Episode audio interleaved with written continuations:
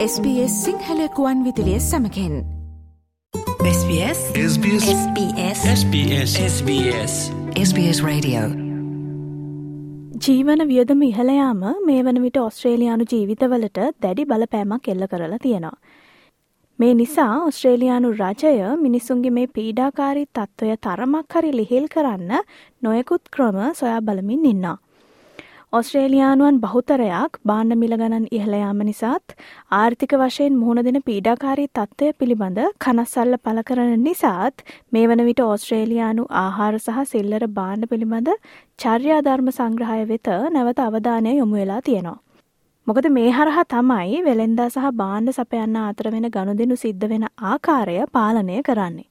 මේ අතරතුරේදී මේ මිලගණන්වල ඉහළයාම පිළිබඳ සමාලෝචනයේ ප්‍රතිඵල හෙට එනම් පෙබරවාරි හත්තන බදාද දිනේද නිකුත්වීමට නියමිත බවත් වාර්තා වෙනවා. මේ පිළිබඳ වැඩිදුර තොරතුරු අද දවසේ කාලීන තොරතුරු විග්‍රහය හරහා ඔබ වෙත ගෙනෙන්නටයි මේ සූදානම. ඔස්ට්‍රේලියානුවන්ට තියෙන ප්‍රධානම ගැටලුවක් තමයි ජීවන වියදම ඉහළ යන එක. බාණ්ඩ මිල ඉතා වේගෙන් ඉහළයාමත් එක්ක රජය හැකි සෑම අයුරින්ම ආර්ථික පීඩනය අවම කරන්න ඉහිල් කරන්න ක්‍රමයන් සොයනවා. මේ ප්‍රහෙලිකාවේ එක කොටසක් තමයි food and grocery code of conduct කියල කියන්නේ මේ චර්යාධර්ම සංග්‍රහයේ එහෙමත් නැත්තම් කෝඩ් of කන්ඩක්් එකෙන් සුපිරි වෙළඳ සැල් හිමියා සහ බාණ්ඩ සපයන්නා අතර වෙන සියලු ගණු දෙනු ආවරණය කෙරෙනවා. මේ හඳුන්වා දුන්න දෙදස් පහළව වර්ෂයේ.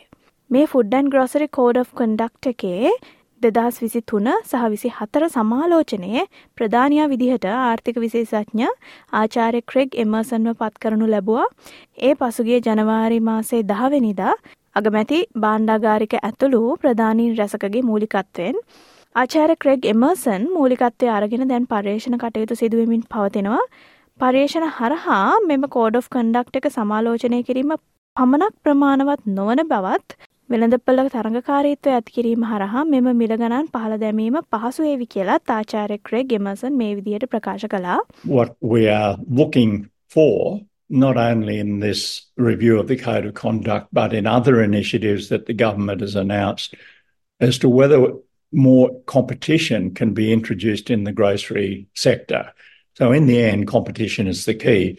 This forms part of a broader approach which looks at whether there are ways of getting more competition into the supermarket industry in Australia.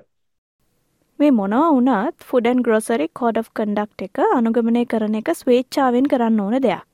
දෙදස් දහය සම්මත වන පාරිභෝගික පනත යටතේ තමයි ඒ විදිහට සඳහන් වෙලා තියෙන්නේ මේ පනත ගෙනාවේ ආහාර සහ සිල්ලර් බාණ්ඩ සම්බන්ධ ව්‍යාපාර කටයුතුවල පැවතිය යුතු ප්‍රමිතිය වැඩිදියුණු කරන්න.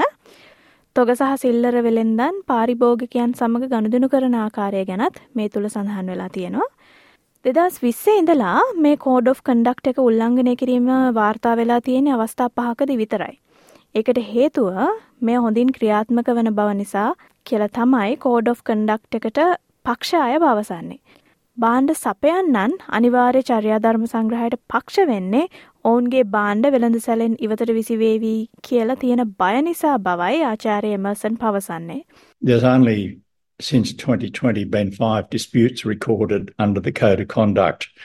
Those who favour the Code of Conduct say that's because it's working so well, and those who are in favour of a mandatory or compulsory Code of Conduct say that's because the suppliers are terrified about approaching an arbiter um, because they might get their product delisted from the supermarket shelves. And so we've got to sort through that to find out the truth.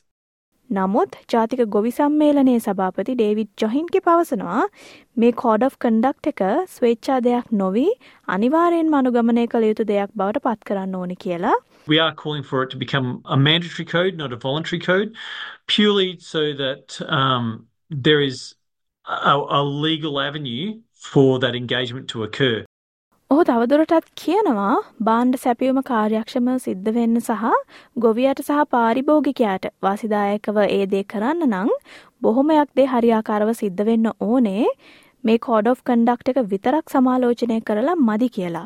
We've got to be very careful that we don't treat this as a silver bullet fix. There's a lot of other things that take the supply chain and to operate efficiently. And we're just saying that we, yes, we need to cover off on this issue, but there's a lot more work to be done if we want consumers and farmers to both benefit out of a more productive and efficient system. Australian food and grocery council නැතහොත් ඔස්ට්‍රේලයානු ආහාර සහ බාණ්ඩ සම්බන්ධ කවුන්සලය ඒ ගැන අදහස් ප්‍රකාශ කරලා නැහැ. පෙබරවාරි මාසය අන්තිම වෙනකල් මේ සමාලෝචනයට සම්බන්ධ යෝජනා සහ අදහස් භාර ගැනීම සිදු කරන බව තමයි වාර්තා වෙන්නේ.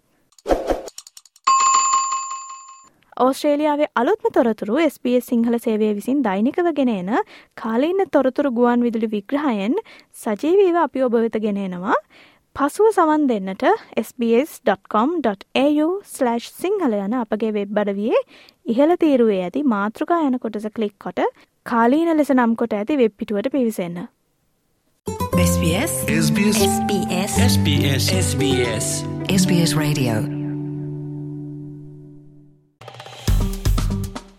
like කරන්න ෂයා කරන්න අදහස් ප්‍රකාශ කරන්න SBS සිංහල ෆස්බුක් පිටුව ෆලෝ කරන්න.